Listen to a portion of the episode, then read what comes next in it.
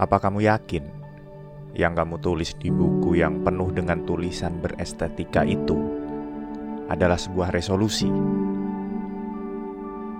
Mungkin saja itu hanyalah sebuah tulisan yang akan segera kamu lupakan. Mungkin saja itu hanyalah kata-kata tanpa makna. Mungkin saja itu hanyalah keinginan tanpa adanya tindakan. Mungkin saja itu hanyalah rutinitas yang tidak akan pernah tuntas.